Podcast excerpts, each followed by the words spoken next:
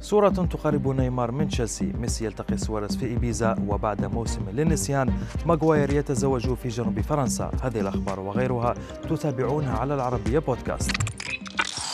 عقب ظهوره في مقابلة تلفزيونية صرح خلالها بأنه يتمنى انتقال نيمار إلى فريقه. أطلق نجم نادي سان جيرمان صورة على إنستغرام يظهر فيها مع تياغو سيلفا لاعب تشيلسي الإنجليزي في رسالة اعتبرها البعض واضحة لنوايا نيمار الذي قد يغادر أسوار النادي الفرنسي في الصيف الحالي.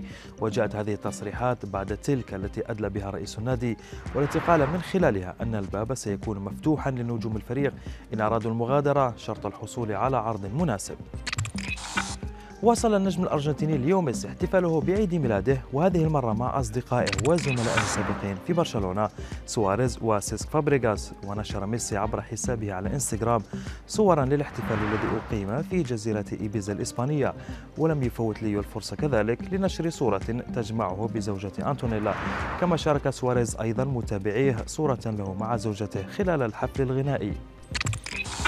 مسلسل لوكاكو الطويل قارب على الانتهاء بعد ظهوره أخيرا في مدينة ميلانو للعودة إلى ناديه السابق إنتر على سبيل الإعارة.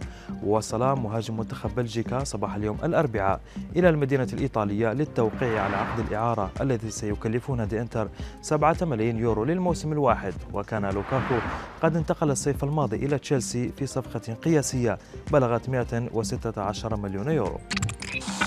وبعد موسم مخيب للغاية مع نادي مانشستر يونايتد بدأ هاري, هاري ماغواير إجازته الصيفية بإقامة حفل زفافه ليس في إنجلترا بل في قصر قديم بجنوب فرنسا ودعا ماغواير العديد من لاعبي المنتخب الإنجليزي لحضور الحفل منهم جاك جريليتش نجم مانشستر سيتي وجوردان بيكفورد حارس مرمى المنتخب ونادي إيفرتون.